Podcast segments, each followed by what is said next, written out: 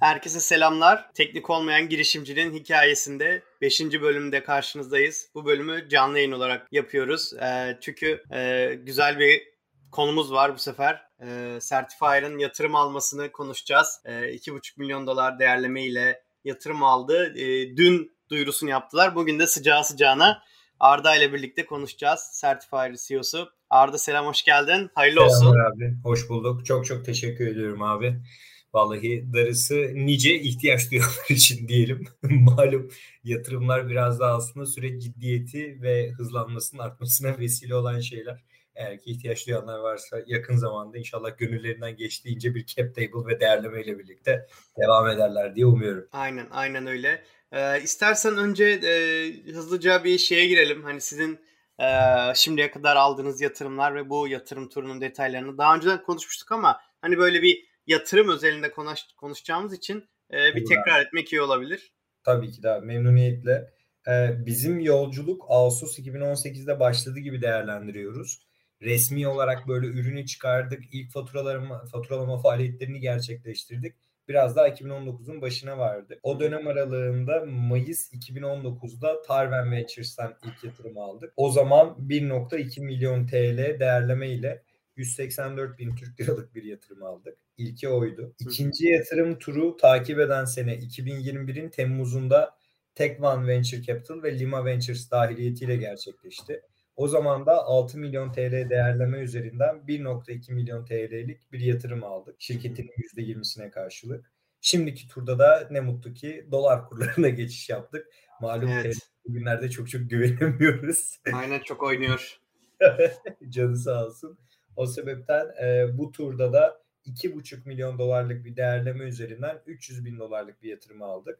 E, follow-on yatırımı olarak ve tura lead eden Tekman Venture Capital oldu tekrardan. Hı hı. E, bununla birlikte Lima Ventures'ın Hollanda'da yakın zamanda kurduğu Alima Ventures ilk yatırımını buraya yaptı. Orada yeni bir iştirak olarak konumlandırdı. Bununla birlikte Türkiye'de yakın zamanda kurulmuş olan Tech Venture e, yeni bir yatırım firması olarak Sedat Beyler çok çok değerli ve güzel bir işe başladılar.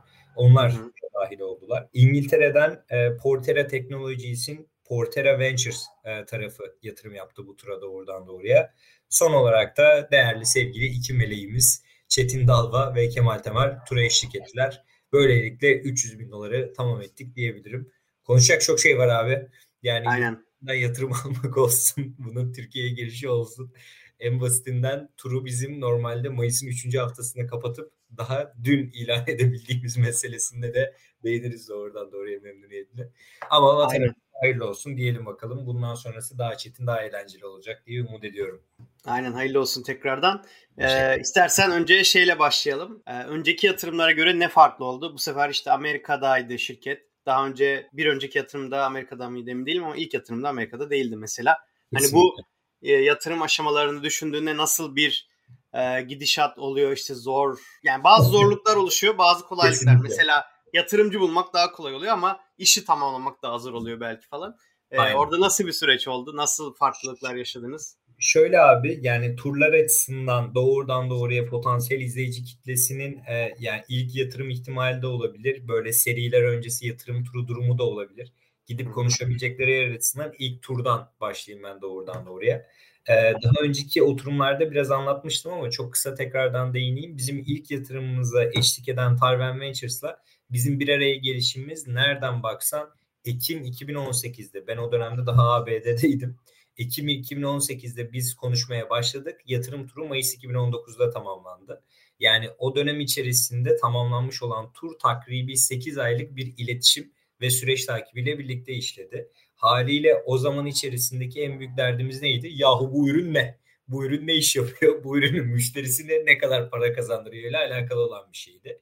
Haliyle e, olası bir yatırımcının ki girişimcinin de kendi işi tarafında bakmayı istediği konuyla alakalı olarak aslında şu fikir çöptür. Aslında önemli olan şey bu işin yapılmasıdır meselesinin en net arandığı noktalardan bir tanesi ortaya çıkmıştı o oturumda, o yatırım turunda. İkinci yatırım turunda en ciddi değişen şey şu oldu. Certifier'da artık net metrikleri görmeye başladı. Gel gelelim işin SaaS bir uygulama, ölçek alma ihtimali olan bir uygulama olması yeterli değil. Nereye doğru ölçek alıyor ve bunun geri dönüşünü ne kadar sürede sağlayacak? Bununla birlikte şirketin bundan sonraki vizyonu ne? Yani 3 yıllık 5 yıllık değil artık 10 yıla gittiğimizde 20 yıla gittiğimizde kurumsal anlamda bir e, yapılanma ortaya çıkardığımızda bütün içeriye girebilecek olan yüzlerce binlerce kişilik potansiyelin yapmayı istediği temel şey ne ve bununla nereye gidebiliyoruz meselesini konuştuk.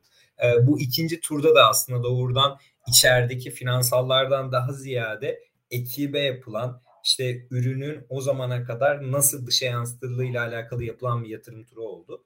Üçüncü yatırım turu bunların çok çok dışındaydı gerçekten. Hani içeriye dahil olan yatırımcılarımızın yine baktığı şeylerde ekip vardı, ekibin başardığı şeyler vardı.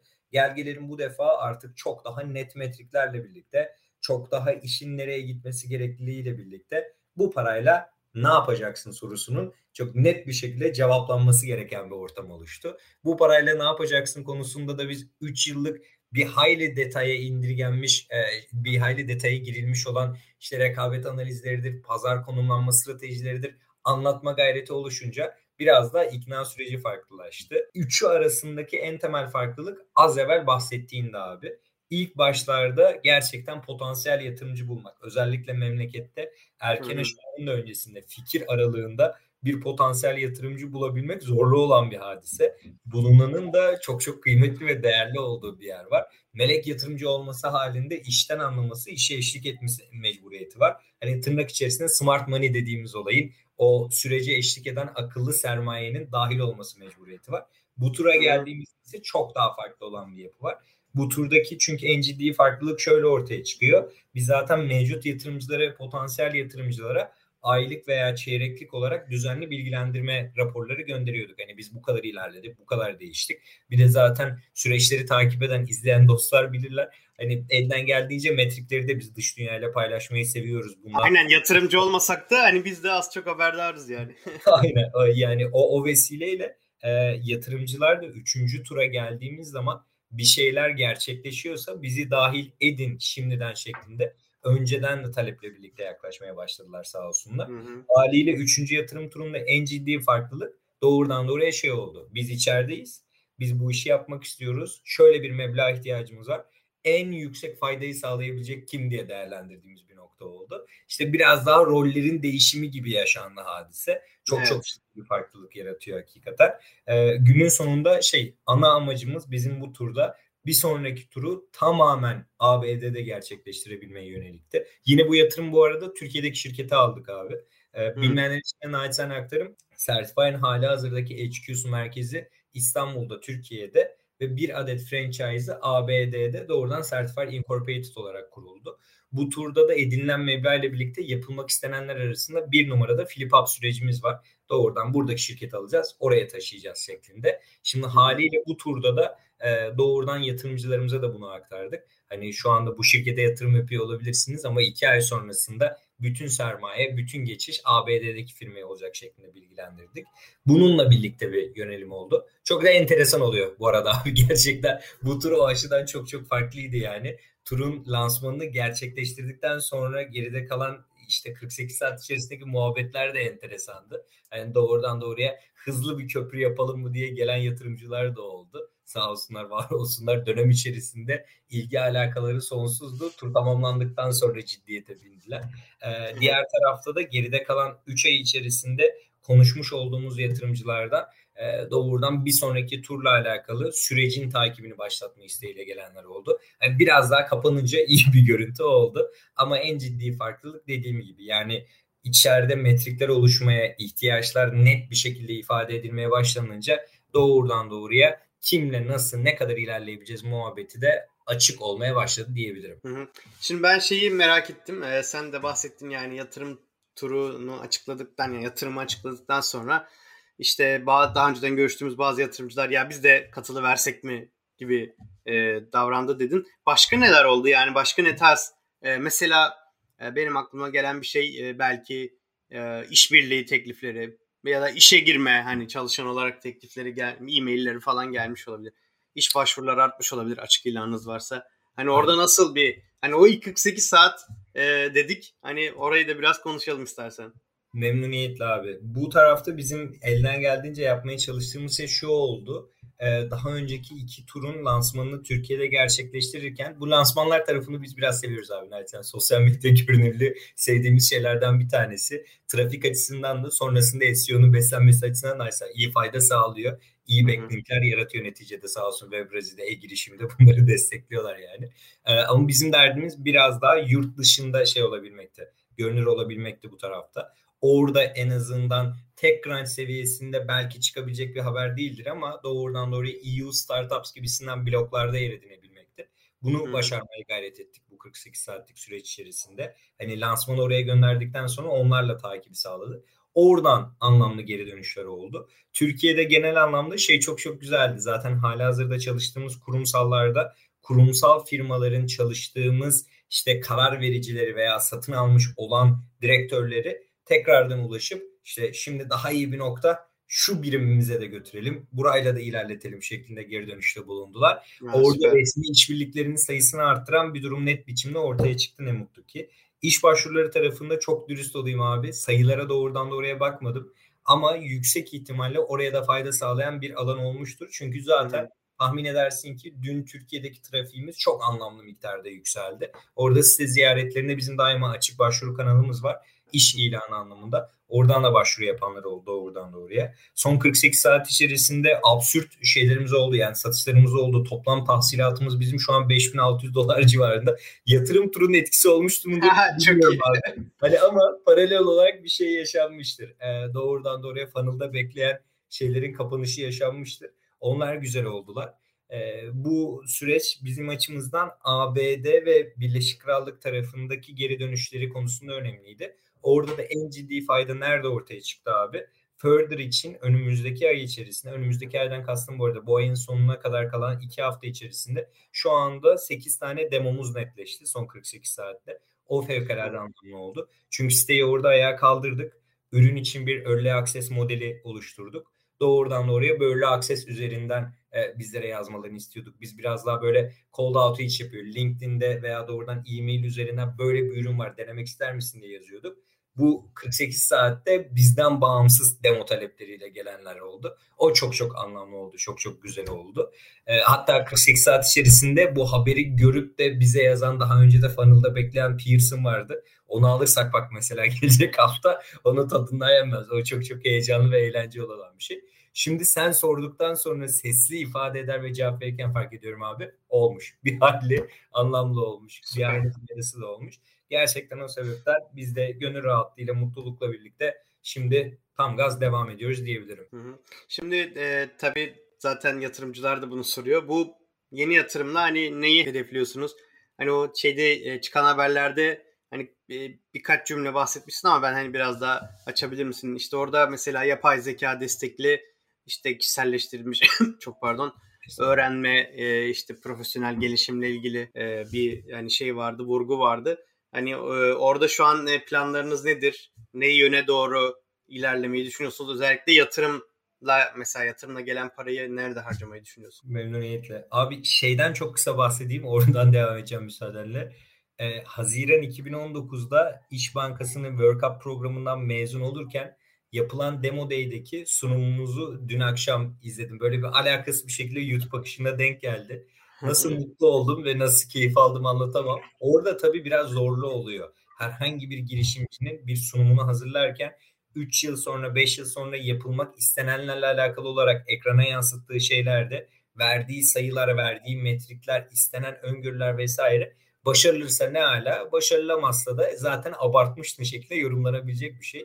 Abi çok çok güzel olan bir olay. 3 sene öncesinde, 2 sene daha doğrusu öncesinde vermiş olduğumuz metriklerin hepsini tutturmuşuz. Üzerine de çıkmışız.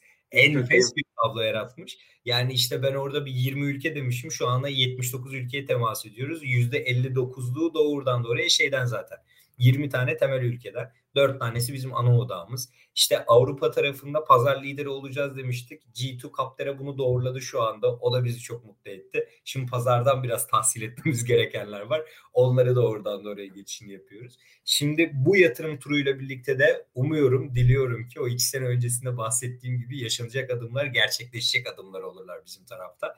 Ee, şöyle olmasını temenni ediyoruz abi. Ee, öncelikle e, bu Flip Up sürecini tamam etmeyi odaklıyız doğrudan Eylül ayının sonuna gelmeden evvel tamamen bir Amerikan firması olup Türkiye'de franchise'ı bulunan bir firma haline gelmeye odaklıyız. Orası zaten teknik olan kısım hallolması temenni.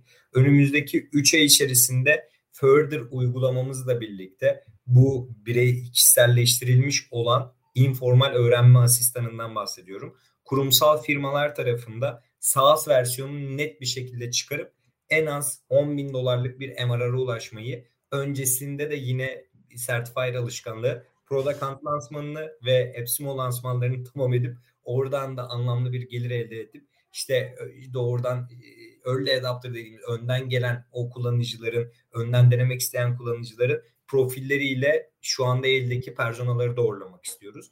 6. aya vardığımızda abi iki tane temel şey var. Bunu ısrarlı istekli mevcut bütün yatırımcılarımıza ve potansiyel bütün şeylere müşterilerimize de aktardığım için rahatlıkla söyleyebiliyorum.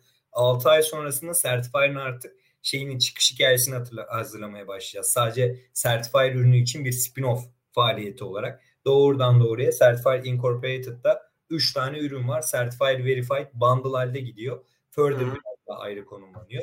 Further ürünüyle şu anda odaklandığımız metriklere ulaşırsak ki bu metriklerde Ocak 2022'ye geldiğimizde en az 100 tane kurumsal firmaya biz hizmet verebilmeyi hedefliyoruz. Ücretli ücretsiz olması tarafında 20 tane ödeyen müşterimiz olsun yeterli durumundayız şu an. E, oraya ulaşırsak zaten pazar modelinde istediğimiz şeyi de doğrulamış olacağız. Bununla birlikte Further'ı ölçek aldırabilme tablosu ortaya çıkarsa dediğim gibi bundan 6 ay sonra Şubat Mart'a vardığımızda artık Certifier'ı doğrudan nerelere konumlandırabilir, nereden çıkış hikayesini tamamlayabilir. Bununla birlikte içerideki ekibi de buna uygun nasıl ilerletebiliriz meselesine odaklanacağız. O zaten olası bir eksile yönelme takribi bir seneyi alarak kendi gündemini yaratarak ilerleyecek gibi görünüyor. Hedef 2022'ye vardığımızda abi Certifier elde bulunursa, Further uygulaması elde bulunursa Further'la birlikte en azından 75 bin dolarlık bir tekrar eden gelir yaratmak. Certify ile birlikte de 40 bin dolarlık bir elde tekrar eden gelir yaratmak doğrudan doğruya. Ee, bununla birlikte amacımız bu 115 bin e, dolarlık tekrar eden gelirle hani 12 aylık o TTM olarak değerlendirdiğimiz o son 12 ay içerisinde elde edilen kazanç değeriyle birlikte ara kampanyalarla doğrudan doğruya en azından biz 2022'yi 2 milyon dolarlık bir ciroyla kapatarak ilerleyelim ve burada da 2 milyon doların %92'sini biz bir kar marjı olarak içeride tutabilelim. Hatta ve hatta odaklandığımız sektör itibariyle yapabiliyorsak yatırımcılara da doğrudan kar payı dağıtımını gerçekleştirip biraz da affedersin şekil yapalım şeklinde. Şimdi bu burası hakikaten bana çok enteresan geldi. Hani tamam büyüme okey hani e, şey de tamam o da hani agresif tamam ama olabilir revenue yani gelir ama %92 kar oranı dedin değil mi? Aynen. Bu nasıl yani, yani nasıl olabilecek bir şey? Bu bir. İkincisi de şey genelde hani startuplar hep daha çok büyümeye yönelir. Aynen. Hani sizin de hani şey eğer mesela bir şirket diyelim ki daha hani yatırım al işte A seri A'yı tamamlamış. E, kar payı dağıtıyorsa ben şey gibi düşünmeye başlarım. Bu şirket herhalde o zaman satmayı düşünmüyor yani. Yani exit, exit strateji yok da belki IPO'ya gidebilir ya da işte kendi başına büyümeye devam eder gibi. Burada amaç işte şu abi 2022'de eğer ki Certified Exit'ini planladığımız gibi gerçekleştirebilir yani ayırarak ilerletebilirsek enfes bir Zaten bu bahsettiğim hikaye yatırımcılar tarafında da, müstakbel yatırımcılar tarafında da, ekip tarafında da başarılı bir şekilde kotarabileceğiz gibi görünen bir durum. Ama Certifier özelinde bizim şu anki büyüme oranlarıyla elde edilen MRR artışları vesaireyle birlikte odak doğrudan doğruya bu ürünü mevcut yatırımcılara da mevcut ekibe de fayda sağlamasıyla alakalı. Zaten bu arada abi şeyin Certifier'ın kar marjı şu anda %94 4, 4, şey 95 civarında. Hani çok enteresan bir ürün şu an. Şimdi çok çok affedersin gene öksürdüm. abi. Ee, yani şimdi şeyi merak ediyorum. Bu %95 yani nasıl tüm her şey mi dahil yoksa hani Yok, ne, ne dahil? Abi. Ekip hariç. Ekip ha, hariç tamam. her şey dahil. Yani doğrudan doğruya pazarlama faaliyetleri dahil doğrudan içerideki işte e, nedir onun adı? İlave olarak neyimiz var? Teknik giderlerimiz var. Altyapı giderleri e, dahil olacak şekilde. İşte teknik ekibin kullandığı, bizim bütün ekibin kullandığı yazılımlar dahil olacak şekilde. Ben çok fena bir bedavacı olduğum için abi. Yine de çok enteresan ya. Hakikaten öyle yani. Abi, hani tamam ekip, ekip. ilk günden beri böyle. Böyle bir ürün. Ama tabii şey mesela Amazon kredisi falan mı kullanıyorsunuz? Yani ben hala aklımda şey yapamadım yani. Nerede yani bu? Krediler vardı abi. Krediler bitse de oraya geldiğimizde hedeflediğimiz MRR'da olursa Certifier yine böyle oluyor. Yani şöyle değerlendir lütfen abi. Certifier bütün hacmine rağmen Amazon'da takribi 1000 dolar bile harcamıyor hala hazır. İçeride Microsoft Teams için biz şey desteği falan alıyoruz zaten. Ee, normal startup destekleri alıyoruz. Kullandığımız bütün ürünlerde bir startup desteklerini döndüre döndüre kullanıyoruz sürekli olarak. İçeride ya kredili kullanıyoruz ya ürün geçişi yapıyoruz vesaire. E, haliyle bendeki o bedavacılık alışkanlığı gayri ihtiyari bazı çok kaliteli ürünleri kullanmamamıza sebebiyet verip böylesi bir kar marjı artışı yarattı. Buradaki en büyük handikap neydi abi? Ee, şey aslında bizim için çok faydalı olan ama Certify'nin büyümesi önünde engel olan pazarlama giderleriydi. Hı. Pazarlama gideri sence ne kadar abi şu anda Certify'ın? Son 6 aydır ortalama değer tahmin edebilir misin? Yani bu şeye göre aylık herhalde 1000 dolar falan mı bilmiyorum o kadar bile değil herhalde. Tam olarak öyle abi. Tam olarak öyle. Ki o bir de şey hani abartırsak hani yuvarlarsak evet, evet. ilerlediğimiz bir kısım. Şimdi haliyle abi bu tura geldiğimizde zaten mevcut yatırımcılar önceki yatırımcılar da aynı yaklaşım üslubu ve tarzına sahiplerdi. Yani para içeriye koyuluyor gereksiz bir runway artışı var. Bu ürün ölçek alacak. Ölçek almasının önünde pintilliğim var. Bu pintilliği ortadan kaldırıyoruz. Kar marjınla alakalı derdini anlayabiliyoruz. Ama bu marjı anlamlı seviyeye getir. Bizim için de büyümeyi daha anlamlı kıl şeklinde bir yaklaşım var. Ben de kendime evet. aynısını diyorum. Haliyle şunu hesapladık abi doğrudan doğruya. Bu yatırım turuyla birlikte pazarlama bütçesinde ve teknik bütün altyapı giderlerinde ocağın altını o kadar kademeli açacağız ki doğrudan %95-94 civarında olan marjı en en en düşük 85 seviyelerine getirip 85 civarında da organik tarafa yaptığımız yatırımlarla gelecek senenin sonunda tekrardan artışını sağlayabilir miyiz odaklanacağız. Yani en büyük olup en karlı olabilme meselesine doğrudan odaklı ilerleyeceğiz. Orada da büyük bir şey var. Challenge var. Samimiyetle söylüyorum. Evet Aslında evet. Oradan pazarda göreceğiz abi. Ee, Aynen. Olarak Further tarafında kar marjını şu anda hesaplayamıyoruz. Çünkü doğrudan ürünü şey yapmıyoruz. Kurumsal satışını yapmıyoruz. Burada da giderlerini teknik mimarisi anlamında hesapladığımızda, kullandığımız üçüncü parti uygulamaları hesapladığımızda Certify'e yakın şeyler çıkarıyoruz. Sağ olsun teknik ekipte de ekipte de teknik patron Ceyhun sürekli olarak ya açma, harcama ne olur canım biraz yoruldu ama bunu telafi edeceğiz şimdi onunla birlikte. Burada da yine aynı seviyeleri görüp tekrardan çıkarma hedefi var. Böyle ilerleyeceğiz abi diyebilirim. Böyle ilerlediğimiz durumda dert tasa şu oluyor aslında abi e, bu naçizane yatırım süreçlerine başlayacak olan ve doğrudan doğruya yatırımcı profilleriyle alakadar olan kişiler için çok çok önemli. Seriler öncesinde bugüne kadar yaptığım yatırımcı görüşmelerin büyük bir çoğunluğunda aynısını fark ettim. Memlekette seriler öncesinde aranan yatırımlarda, yatırımcı görüşmelerinde karlılık aranmasa da bakılan metriklerde belli bir şirket büyümesinin doğru tasarrufla, doğru harcamalarla birlikte gidip gitmediğine dikkat ediliyor. Senin az evvel dediğin şey çok kıymetliydi abi. Neyden bahsettin? Aslında girişimin ölçek alabilmesi için yapması gereken şey alıp hakkıyla yakması, hakkıyla büyümesi, tutmuyorsa da samimi ve şey biçimde, dürüst biçimde dağılması. Tuttuysa da zaten hadi aslanım yolun açık olsun denilmesi meselesi. Bu turları özellikle de son turda işte 9 farklı ortak ve içeriye gelen 8 işte 6 tane kurumsal 2 tane de melekle birlikte yatırımcının aynı masada bulunmasına vesile olabilen şey buydu abi de orada. Hani bizim şimdiye kadar sürekli tutarlı ve sakin ilerlememizdi. Şimdi haliyle o sakinlikle birlikte artık istatistiki olarak doğru bir strateji kurgulayıp ilerleyeceğiz. Derdim diyebilirim. Şimdi evet o konuda e, mesela e, şey denir e, mesela girişimci başlarda dediğin gibi hani bootstrap belki çünkü başlarda e, eğer böyle biraz daha müsrif diyelim olursan e, başta yatırımcıya çok fazla hisse vermen gerekecek. Hani bunu engellemek için başta mümkün mertebe işte hani sizin izlediğiniz yöntem gibi hani siz bayağı hani gerçekten uç noktada. Ben ilk kez böyle bir şey duydum. Hiç bahsetmedim ben buradan. Çok özür diliyorum abi. Ee, yok aynen bunu bahsetmemiştik yani hani şey e, abi, çalışan şeyde... giderleri dışında %90'ın üstünde bir kar marjı gerçekten e, inanılmaz. Bunu müşterileriniz duymasın. Notlara yazmıyorum yani. Sonra indirim isteyip dururlar. Ee...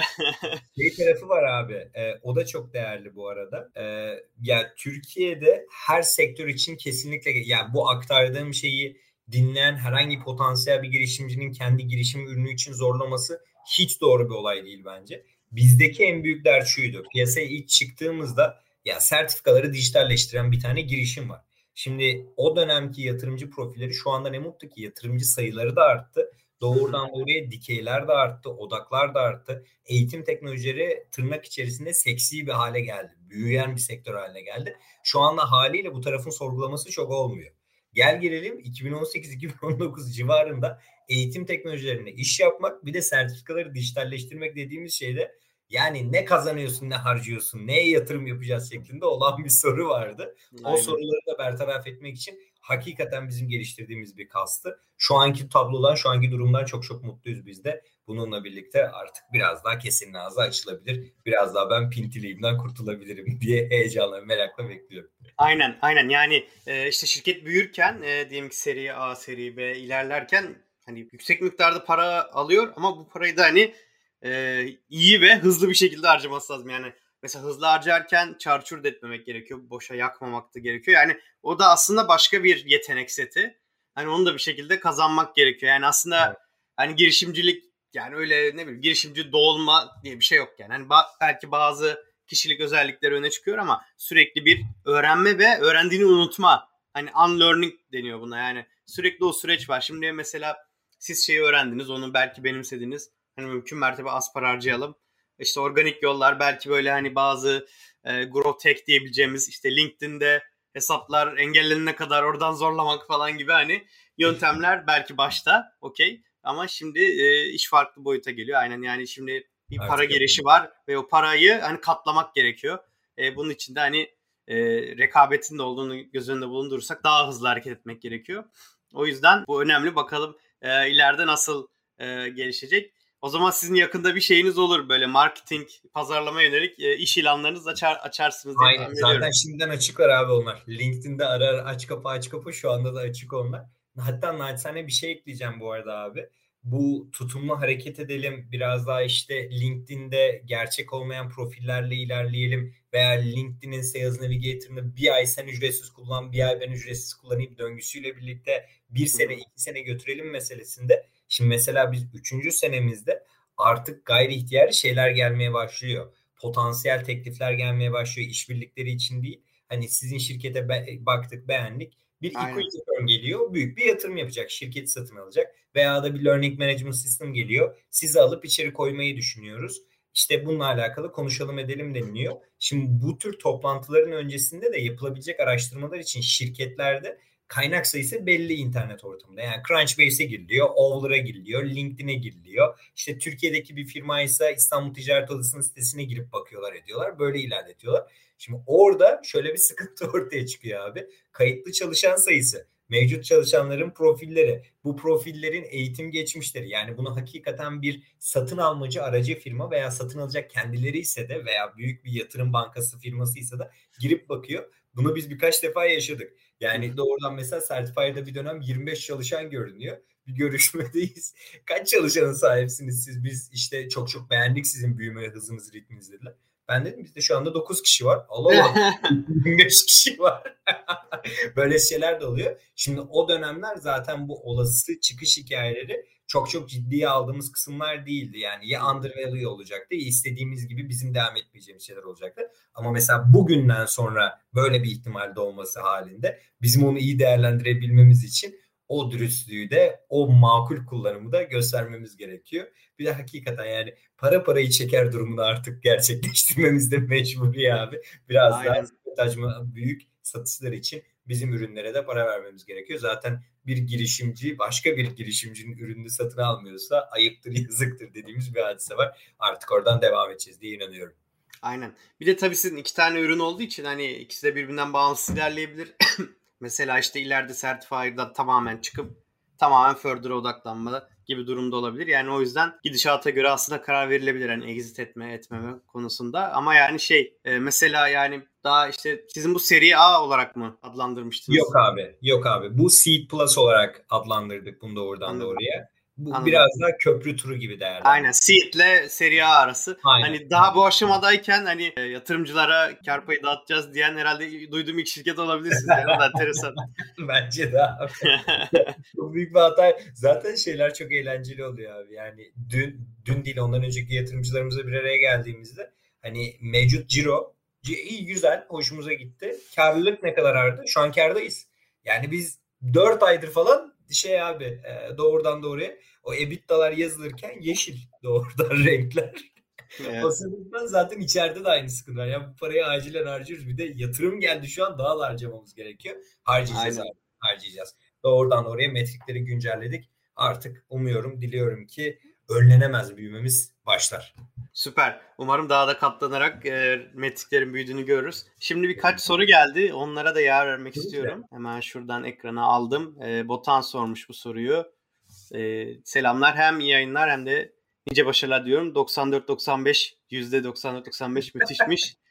Çok kısa bir süre önce kendi girişimim Yambi arı ürünleri için yatırım görüşmelerine başladık ama kitlesel fonlama ve yatırım arasında kararsızlık yaşıyorum. E, tam sığmadı. Ben devamını okuyayım. Akışı bozmayacaksa iki senaryo içinde olası sonuçlar hakkında fikirlerinizi paylaşabilir misiniz? Senin kitlesel fonlamayla alakalı tecrüben ne kadar abi? Ben çok yanlış bir şey demek istemiyorum çünkü burada. Benim de yok açıkçası yani hani zaten sadece e, kitlesel fonlamaya giren şirketleri hani konuk aldık o seviyede. Anladım. Yani burada sevgili Botan'a naçizane ben yatırımlarla alakalı olan tarafta yorum yapabilirim. Kitlesel hı hı. fonlama memlekette yeni başlayan inanılmaz güzel bir süreç gördüğüm kadarıyla. Yani e, iki tane büyük firma var gördüğüm. Biri bizim yatırımcılarımızdan birinin de yatırım yaptığı bir firma. Bir başkası ise çok değer verdiğim sevgili dostu Enis'in başında olduğu bir firma. İkisi de çok çok güzel ilerliyor. İkisi de çok çok iyi ilerliyor. Çok başarılı sonuçlar da aldırıyor.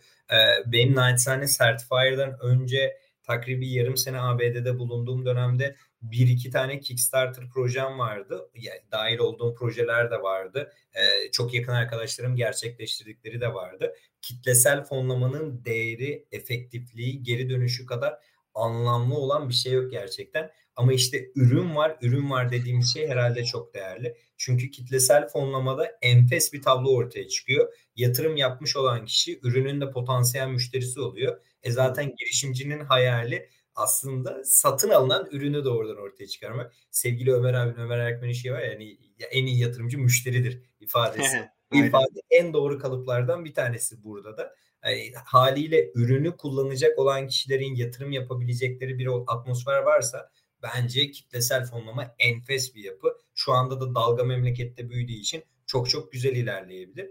Aynı zamanda yatırımlar tarafında da yine akıllı para dediğimiz şey, o smart money dediğimiz şey veya da doğru yatırımcılar çok çok değerli. Hani şöyle bir gerçeklik var. İşte e, bir tane çok kaba bir örnek vereceğim abi müsaadenle bu tarafta söyleyeceğim derken. Hani bir e, termos satıldı, sattığınızı düşünelim. Satılan termosun son ürün olarak vitrinlerde satma ihtimaliniz olan haline getiriyorsanız bunu doğrudan doğruya kitlesel fonlama internet sitesinde yayınlayıp bu ürünü potansiyel olarak kullanabilecek ve satın alabilecek binlerce insana satıp onların sonrasında ürünü pazarlamalarına vesile olabilirsiniz. Enfes bir pazarlama yapısı ve sermaye yatırım yöntemi. Ama o termosun termos olabilmesine vesile olan yalıtım malzemesini üreten bir üretici firma firmaysanız veya da bir 3D printer atölyesiyseniz mesela bir araya gelip işte doğrudan işbirliği yapabileceğiniz ve size yatırımcı olabilecek A, B büyük holdingi firmasının içeriği yatırımcı profile girmesi sizlerin enfes bir seri üretim ve toptan parakende satış yapabilmenizi sağlayabilecek bir yapıyı oluşturmanıza vesile olabilir. O sebepten tamamen ürüne göre gitmesi gerekiyor diye düşünüyorum. Naçizane sınırlı bilgiyle bu kadar bir şey diyebilirim abi. Evet bence de ürün çok önemli. Ee, yani şey de önemli aslında. Ekibinizde bu işi yürütebilecek birisi var mı? Çünkü hani o crowdfunding de kolay bir süreç değil yani açıkçası. Çünkü Orada bayağı bir geniş kitleye yaymanız lazım. Ne sunacaksınız? İşte o sunacağınız şeyi karşılayabilmeniz lazım. Mesela genelde işte Türkiye'dekinde şey oluyor.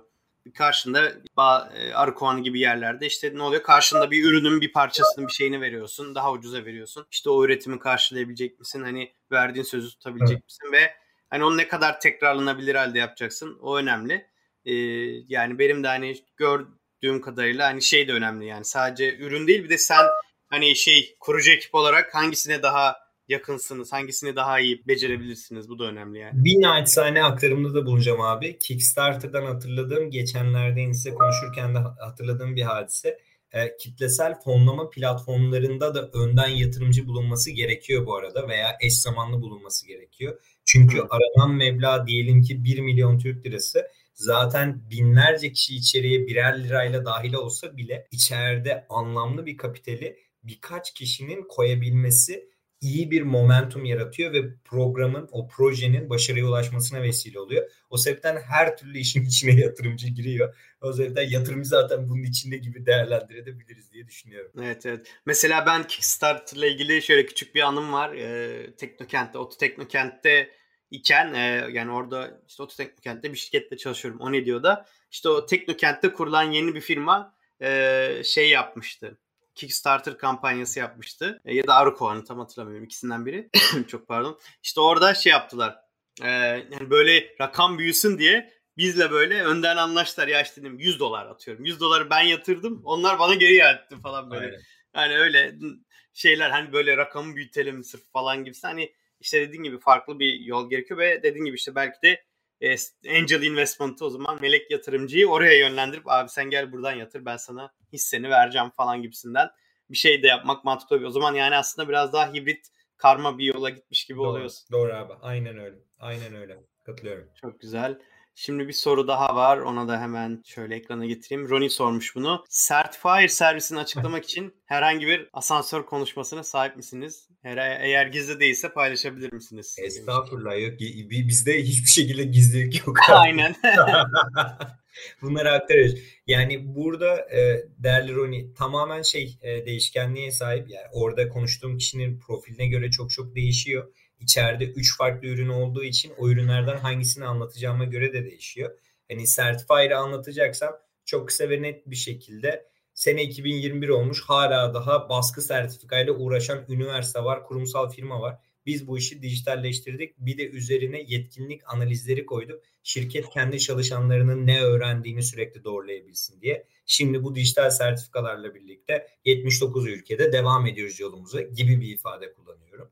Further tarafında öğrenmenin %75'i informal öğrenmeden geçiyor. Yani şu anki diyalogumuz bile informal öğrenme anlamına geliyor. Biz de kurumsal firmaların çalışanlarının günlük olarak anlık informal öğrenmelerini yetkinlik düzeyinde analiz edebilmeleri için enfes bir öğrenme platformu geliştirdik. Bunu sunuyoruz onlara gibi bir ifade kullanıyorum. Certified Incorporated anlatacağım zaman da hedefimiz makine öğrenmesi gibi gelişmiş ve üstün teknolojilerle eğitimin büyük verisiyle eğitim verisi analizi ve çıktılarıyla kurumsal firmaları ve yüksek öğrenim kurumlarını sürdürülebilir ve ölçeklenebilir eğitime götürebilme hedefiyle çalışıyoruz şeklinde. Böyle genel biraz daha vizyona yakın bir ifadeyle ilerliyorum. Zaten o asansör konuşmaları çok büyük bir gerçekmiş. Bunlar 3 sene öncesinde katıldığımız programlarda ne asansörü neyin konuşması durumu vardı. Ama meğerse o gerçekten ayaküstü konuşmalarla enfes bir şey ortaya çıkıyor, ihtiyaç ortaya çıkıyor. Bir yerden sonra zaten kendi kendine o evrilerek ilerliyor diye. Aynen Harika. yani saçma bir soru değil aslında. Başta saçma bir soru olacak demiş ama Roni. Estağfurullah. Hani, çünkü aslında yatırımcılara da hani illaki bunu yapmak gerekiyor. Yatırımcıyla ilk buluştuğunda, ilk konuştuğunda hani hızlıca kendini anlatman gerekebiliyor. Bir de yani bence şey açısından da bu asansör konuşması çok önemli. Yani bir asansör yolculuğu boyunca hani diyelim ki 1-2 dakikada bitirebileceğim bir konuşma gibi aslında. Ee, burada bence şey de önemli yani insanların özellikle şeyi bu attention span yani e, dikkat süresi gittikçe kısalıyor. O yüzden bence yani bu tarz kısa öz bir şekilde kendini anlatabilmek çok önemli yani. Tabii, ee, o açıdan da. Yani mesela biz artık şeylerde de mesela bunu web sitelerde de görebilirsiniz. Yani herhangi bir kullanıcı tüketici olarak artık daha böyle büyük fontlarla gözüne böyle soka soka hani ve asıl ne derdini çözüyorum senin bu yani. Böyle 80 tane özelliği arka sayfalarda bir yerlere listeliyorum. Merak eden baksın diye ama önde sadece benim çözdüğüm e, problemi aslında koyuyorum. Çünkü hani böyle bir şey var, trend var çünkü artık yani sürekli bir bombalama altındayız yani bir yandan da. E, herkes sürekli bir şeyler an, bana bir şeyler satmaya çalışıyor. Telefon aramaları geliyor, internette reklamlar görüyorum. Yatırımcılara da muhtemelen böyle zilyon tane bir yerlerden bir şeyler geliyor. Yani mesela böyle muhtemelen sağdan soldan WhatsApp'tan eşi dostu bile yazıyordur. Ya işte bizim e, bacanağın şöyle bir fikri var. Ne dersin falan diye. Öyle oluyor. Hakikaten öyle oluyor. Yani Gerçekten. ister istemez. E, dolayısıyla hani bence de bu çok önemli bir konu. Teşekkürler Roni sorduğun için. E, Bet Botan da şey demiş. Enis'le de iletişim halindeymişler bir yandan. Harika. E, öyle bir not belirtmiş. Harika o zaman nokta atışı. Çok güzel. Şimdi ben şeye tekrar dönmek istiyorum. Bu yapay zeka işte büyük veri konusunu e, biraz daha derinlemesine e, işleyelim. Hani orada şu an şu ana kadar neler yaptınız ve hani neler yapmayı planlıyorsunuz?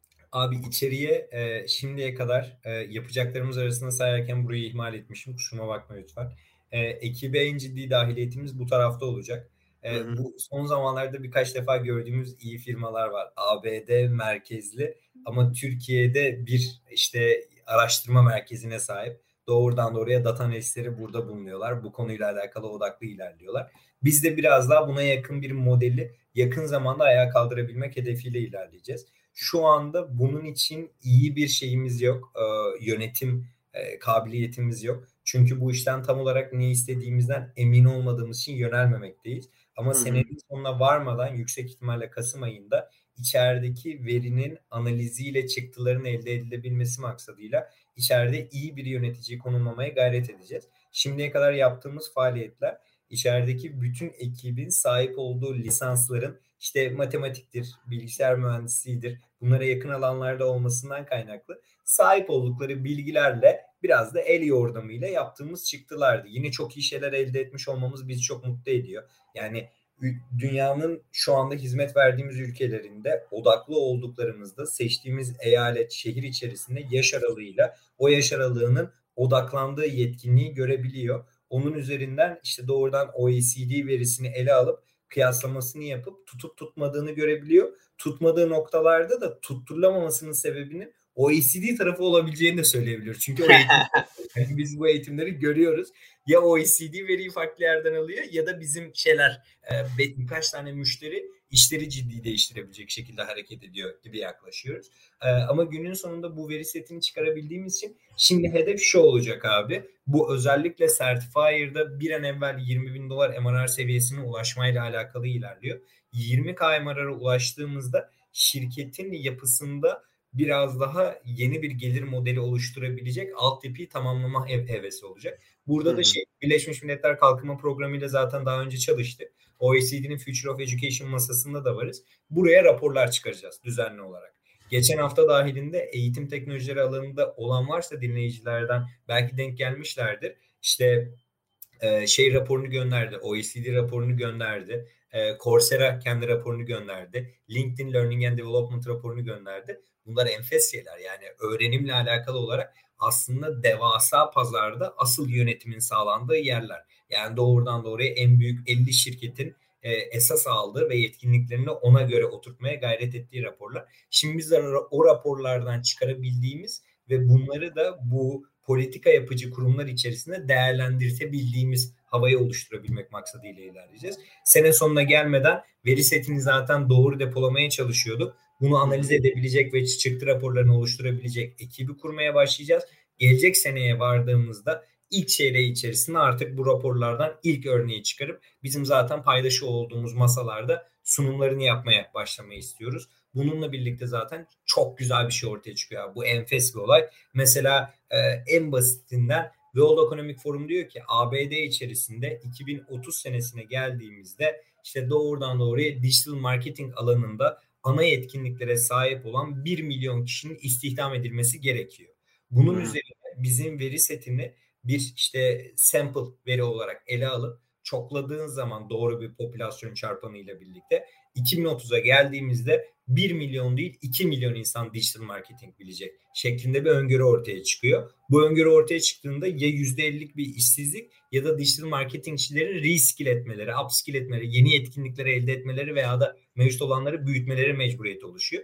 Bu eğitim politikalarına da anlık yansıyor. Zaten orada devlet nezdinde iş değişiyor. Enfes oluyor Devlet demişken çok kısa bir tane gelişmeyi de bu arada aktarı vereyim abi. Şey memlekette de güzel bir gelişme oldu. Ee, doğrudan doğruya şey tarafında, e, TÜBİTAK tarafında biz zaten iki sene öncesinden bir böyle proje sunumu yapmıştık. Şimdi memleket bir açık rozet hareketine geçişi doğrudan doğruya başlatıyor. Bizim elektronik karnelerin yanında yetkinlik ispatı aracı olarak kullanılabilecek dijital sertifikalar ve açık rozetler için adımlar atılıyor. Bu konuyla alakalı da bu hafta itibariyle artık masaya oturduk. Diliyorum, umuyorum ki biraz sürer olsun. O, o süreç e, sürüncemede kalmadığı müddetçe hiç sıkıntı yok. Tamamının ermesiyle birlikte o global standartları memlekete de getirerek ilerleyebileceğiz diye umut ediyorum diyebilirim. Ondan nasihatımı parantez içerisinde vermiş olayım istedim abi. Süper. Yani burada bu proje TÜBİTAK'la birlikte mi yürütülmesi planlanıyor? Doğru. Aynen öyle. TÜBİTAK'ın iki sene öncesinden zaten bir blok zincir üzerinde sertifika şeyi vardı, hmm. yaklaşım vardı. Şimdi açık rozet tarafıyla alakalı bir yaklaşım var. Açık rozet enfes derecede önemli ve kıymetli. Yani şu anda 79 ülkede bu standartizasyon 400 binin üzerine kurumla uygulanıyor. Yani bunun üzerine içerisinde IV okulları da var. E, global birçok K12 de var değerli olan. Ve Hı. bunlar uygulanırken Türkiye'nin 80. ülke olarak dışarıda kalması çok çok efektif ve iyi değildi. Biz Türkiye temsilcisi olarak dahil olmuştuk IMS'e. Türkiye'den IMS'e ulaşıp IMS'ten de bize gelince güzel bir zincir oluştu. Buradan devam edeceğiz. Umuyorum, diliyorum ki dijital rozetlerle yetkinlik ispatı farklı bir noktaya varır memleket için. Süper. Şimdi ben şeyi de biraz merak ettim. Hani bir ek gelir modeli olarak e, diye bahsettin. İşte bu Dünya Ekonomik Forumu olsun, OECD olsun. Hani bunlarla e, hani bu raporları, analizleri, verileri sunarken onlar yani karşında bir şey bir, bir hibe, bir fon mu sağlıyorlar? Nasıl bir işbirliği Çok oluyor değişken orada? abi. İnanılmaz derecede değişken. Şu örnek üzerinden ilerleyeceğim. Şimdi Siemens her ne kadar şu anda bildiğimiz anlamıyla yaptığı işlerde eğitimden uzak olsa da mesela Siemens eğitim teknolojilerine çok ciddi yatırımlar yapan firmalardan bir tanesi. OECD'de bizim bulunduğumuz birimin içerisinde yer alıyor Siemens'te. Orada temsil ediyor. Çok enteresan. Çok enteresan abi ve geçen sene yapmış oldukları çalışma takribi 240 sayfalık devasa bir rapor. 2030'da eğitim nasıl olacak diye bir çalışma yürütmüşler. Bununla alakalı benim konuştuklarımdan ve hibe raporundan anladığım kadarıyla e, şeyde Siemens'te anlamlı bir miktarı içeriye dahil etmiş. Yani buradan hibe desteği almış. Ama hmm. aynı Siemens kendi içerisinde eğitim danışmanlığı da veriyor. Yani kurumsal firmalara siz A yetkinliğine değil B yetkinliğine gitmelisiniz. Çünkü bu rapor bunu söyleye getiriyor. Hani dört büyüklerin şey alışkanlığı vardır ya bir raporu yayınlar biraz yüzeysel yayınlar kurum geldiği zaman o veri setini dışarı hmm. Onun gibi bir yaklaşım var. Şimdi benim doğrudan doğruya naçizane bir şahsi anlamda hiç tecrübe etmediğim bir alan oldu.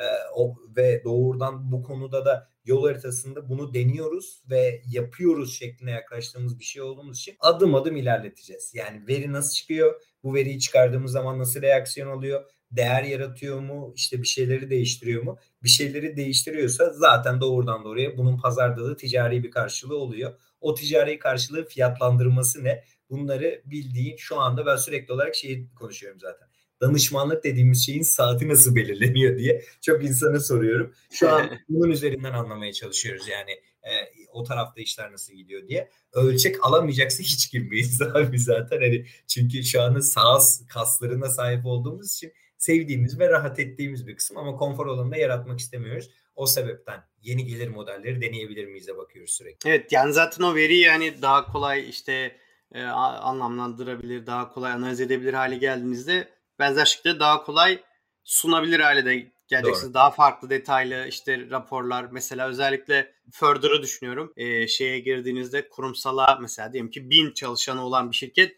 e, bini birden bin çalışan birden mesela kullanıyor Further'ı. İşte kim ne kadar gelişti, hangi alanlarda yetenek setleri gelişiyor, artıyor. İşte çok pardon. Oradan işte şirket hedefler koyabilir falan filan bir sürü şey yapılabilir yani. Heyecan bir yandan da öyle bir yandan Teşekkür ederim. Aynen. Harika. Aynen. Süper. Bir soru daha gelmiş. Onu da soralım. Yani. Sonra yavaş yavaş kapatalım istersen. İyi yayınlar.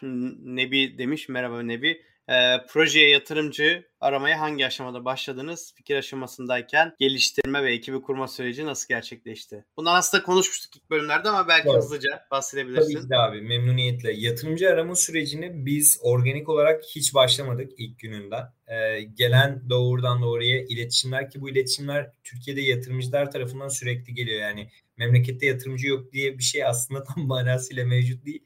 Yüksek ihtimalle girişim fikri daha görünür hale gelmemiş. Sosyal medya hesaplarıdır, internet siteleri, Crunchbase profildir, AngelList profildir. Bunlara girildikten sonra Türkiye'deki yatırımcılar bir tanışma maili gönderiyorlar. O tanışma süreciyle birlikte ihtiyaç mevcut mu ve doğrudan biz bu ihtiyaca ne kadar doğru fayda sağlayabiliriz? Hizalanması yatırımcıyla yaşandığı anda zaten yatırım gerçekleşiyor herhalde. Benim, yani bizim tecrübe ettiğimiz buydu. Doğrudan doğruya birçok girişimcinin de tecrübe etmekte oldu bu diye düşünüyorum. Fikir aşamasındayken geliştirme ve ekip sü- kurma süreci fevkalade organik ilerledi. Yani bizim aslında fikri ürüne çevirdiğimiz kısımda birkaç tane ciddi çuvallama var. Onun için Naçizane İslam'ın ilk videolara hatta bizim apayrı bir tane videomuz vardı hikaye anlattığımız. Ona bakmanı istirham edeceğim Nebi. Ee, orada şeyi göreceksin yani biz fikirde çat diye bir ürün çıkardık. Ürün pazara hiç uyumlu değildi. Aldığımız geri bildirimlerle ürünü yeni baştan yaratmaya başladık. Değer tekliflerini yeni baştan kurmaya başladık. Haliyle bütün gelişim, bütün ekibe yeni birilerini dahil etme, odaklandığımız pazara sunmayı istediğimiz değerleri müşteriden gelen geri bildirimleriyle revizyonun neticesinde ürünü inşa etmesiyle birlikte ortaya çıkan ihtiyaç oluştu diyebilirim. Cümleyi de düşürmeden böyle tamamladık mutluyum. çok teşekkürler. Valla sen ya uzun cümle kurmada bayağı iyisin ya. Yani çok talihsiz bir başını, başını sonunu kaçırmadan ben mesela bazen ya yazarken özellikle şeyleri bu edatları falan iki kere falan kullandığım oluyor ama sen güzel yani o konuda bayağı iyisin. Süper. Çok teşekkürler Arda. De sıcağı sıcağına konuşmuş olduk. Seninle yatırım turu. Ee, artık önümüzdeki ay biraz daha böyle e, şeyleri konuşuruz. Gelişmeleri işte ekip ne hale geldi, büyüdü mü, gelir nasıl gidiyor, yeni projeler falan. Ee, onlara çok girmedik zaten gireriz onlara da. Aynen. Gelecek ay biraz daha Förd'ün ilk ayı olacak. Çok güzel haberlerle gelmeyi ümit ediyorum hayırlısıyla. Süper. Çok teşekkür ediyorum abi vallahi bütün organizasyon desteği için katılımcılara, dinleyicilere, soru soranlara da ayrıca teşekkür ediyorum değerli zamanlarını ayırdıkları için. Sağ olsunlar. Aynen biz izleyenlere de sorularını soranlara da çok teşekkürler. E, ayrıyeten sorularınız olsa da yine yorumlar kısmında e, yazabilirsiniz. Biz zaten hani bakıyoruz yorumlara. En geç bir sonraki bölümde ya da arada belki kendimiz bakarak da yorumlayabiliriz ama en geç bir sonraki bölümde zaten sorulara dönüyoruz. Çok teşekkürler biz dinlediğiniz için. İyi akşamlar.